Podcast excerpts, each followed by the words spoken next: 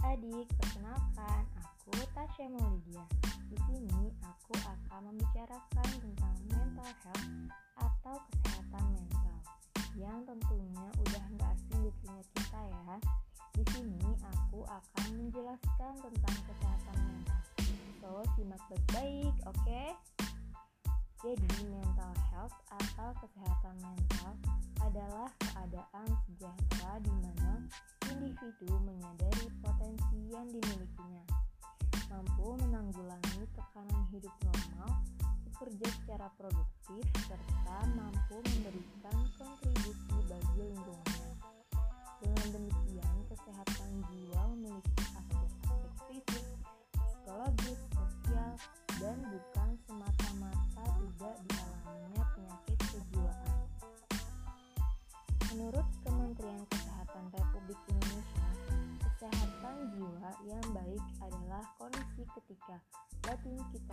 berada dalam keadaan tentram dan tenang, sehingga memungkinkan kita untuk menikmati kehidupan sehari-hari dan menghargai orang lain di sekitar.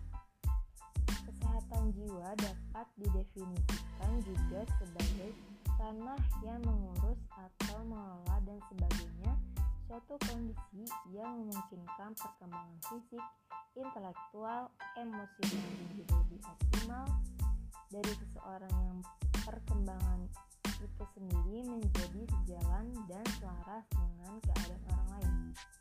Pendekatan terkini dalam mengelola persoalan kesehatan jiwa adalah pendekatan holistik yang melampaui ataupun menerobos batasan psikologi klinis, medis, dan psikiatri.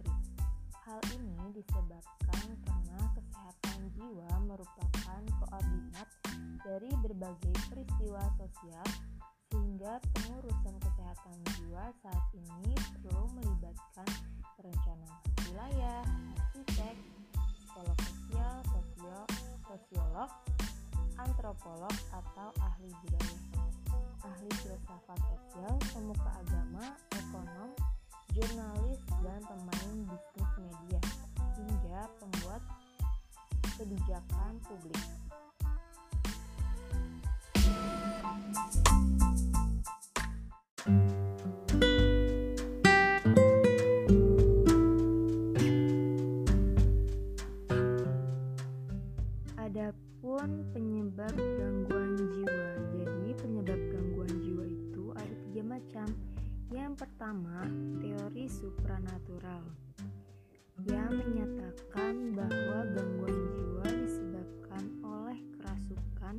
Atau gangguan makhluk gaib, ketidaksenangan para dewa, gerhana, gravitasi planet, kutukan, serta dosa.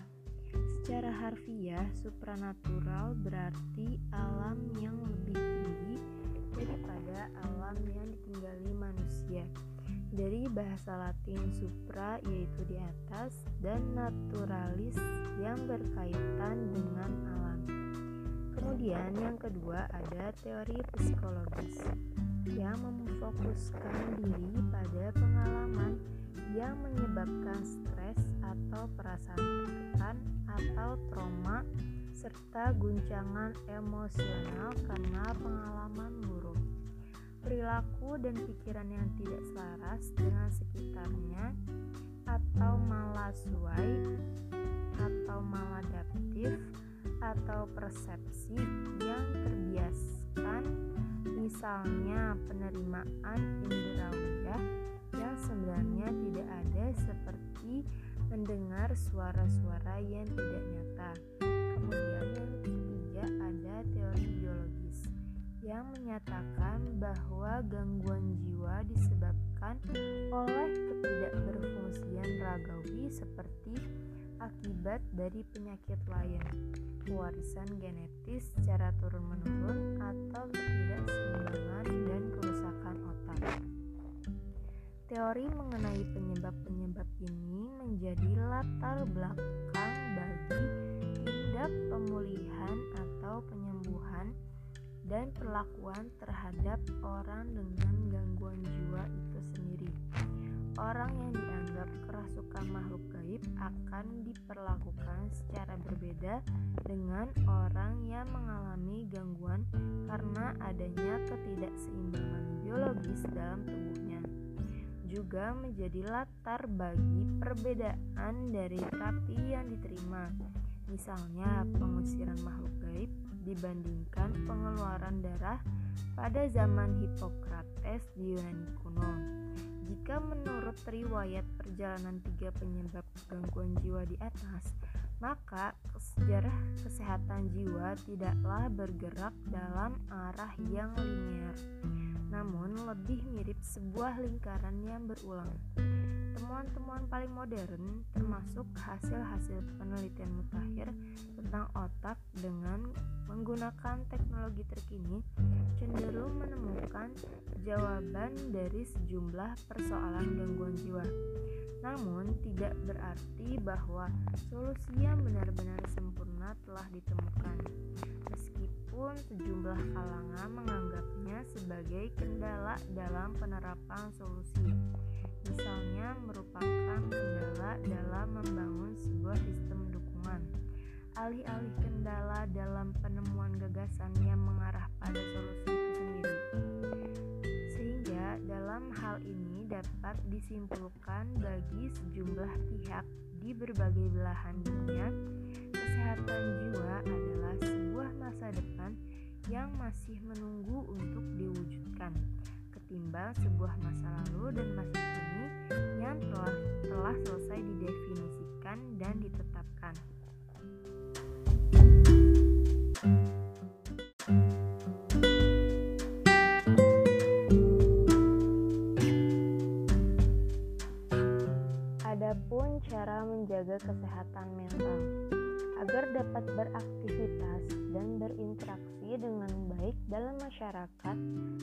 serta terhindar dari penyakit mental penting bagi kamu untuk senantiasa menjaga kesehatan mental. Berikut ini adalah panduan umum yang bisa diterapkan untuk menjaga kesehatan mental. Yang pertama, hargai diri sendiri. Misalnya dengan tidak membandingkan diri sendiri dengan orang lain. Yang kedua, usahakan untuk selalu melihat sisi positif dari suatu masalah. Yang ketiga, perlakukan dirimu seperti kamu memperlakukan orang lain yang kamu sayangi. Yang keempat, temukan cara terbaik mengelola stres untuk diri sendiri. Misalnya menulis harian, berjalan-jalan, dan berbincang atau deep talk. Yang kelima, syukuri segala hal yang dimiliki agar dapat menerima dan mencintai diri sendiri. Yang keenam, terapkan pola hidup yang sehat, seperti konsumsi makanan sehat, rutin berolahraga, dan istirahat yang cukup. Yang ketujuh, kembangkan potensi yang kamu miliki atau coba hal-hal baru yang belum pernah dilakukan. Yang kedelapan, peliharalah hubungan yang baik dengan orang lain. Yang kesembilan, lakukan hal-hal yang membuatmu bahagia. Yang terakhir ada berhenti bersikap terlalu perfeksionis. Penting untuk diingat, kesehatan mental merupakan hal yang tidak boleh diabaikan dan harus dipelihara sebaik mungkin. Lakukan cara menjaga kesehatan yang tadi telah saya sebutkan agar fisik, mental, emosi, dan kehidupan sosialmu senantiasa dalam kondisi yang baik. Jika kamu merasa mengalami tanda gangguan mental, atau memiliki ke keluarga maupun kerabat yang memiliki masalah ini, jangan malu untuk meminta bantuan psikolog dan psikiater dengan penanganan yang tepat. Gangguan mental akan bisa dikendalikan dan kamu pun bisa menjalani hidup yang lebih berkualitas dan bahagia.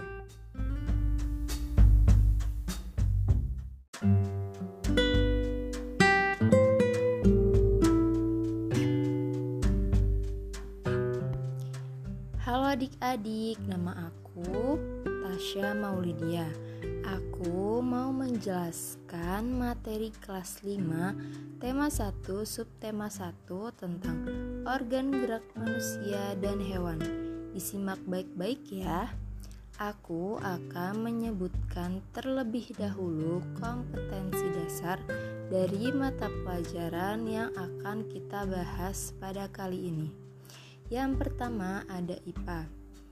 Kompetensi dasar 3.1 menjelaskan alat gerak dan fungsinya pada hewan dan manusia serta cara memelihara kesehatan alat gerak manusia. Kemudian IPS 3.1 mengidentifikasi karakteristik geografis Indonesia sebagai negara kepulauan atau maritim dan agraris serta pengaruhnya terhadap kehidupan ekonomi, sosial, budaya, komunikasi, serta transportasi. Dan yang terakhir SBDP 3.1 memahami gambar cerita. Yang pertama ini ada materi IPA yaitu membahas tentang sistem gerak hewan berdasarkan habitatnya.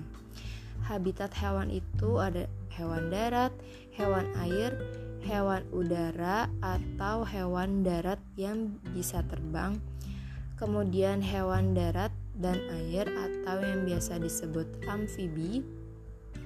Kemudian ada sistem gerak pada hewan darat, sistem gerak pada hewan air, sistem gerak pada hewan udara, sistem gerak pada hewan amfibi. Nah, selanjutnya ada ciri makhluk hidup. Kemudian ada sistem gerak hewan berdasarkan ada atau tidaknya tulang belakang. Jenis hewan itu ada yang vertebrata atau bertulang belakang, kemudian ada avertebrata atau tidak bertulang belakang. Kemudian sistem gerak pada hewan vertebrata.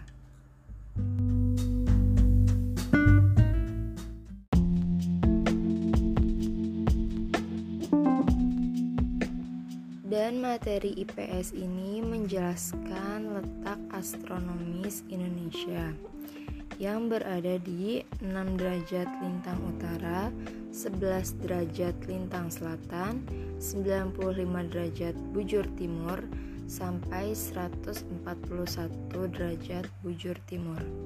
Kemudian ada letak geografis Indonesia.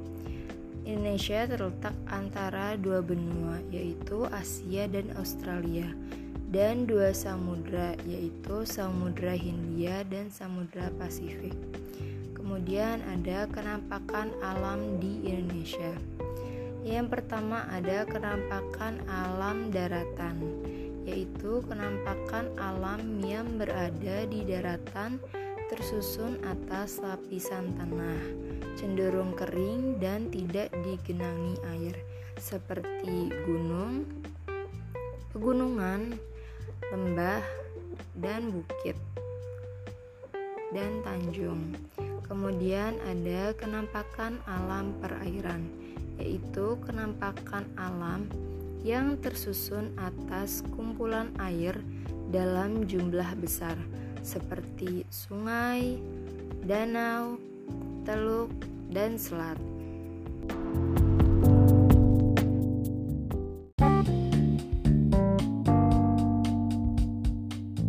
Selanjutnya ada materi SBDP.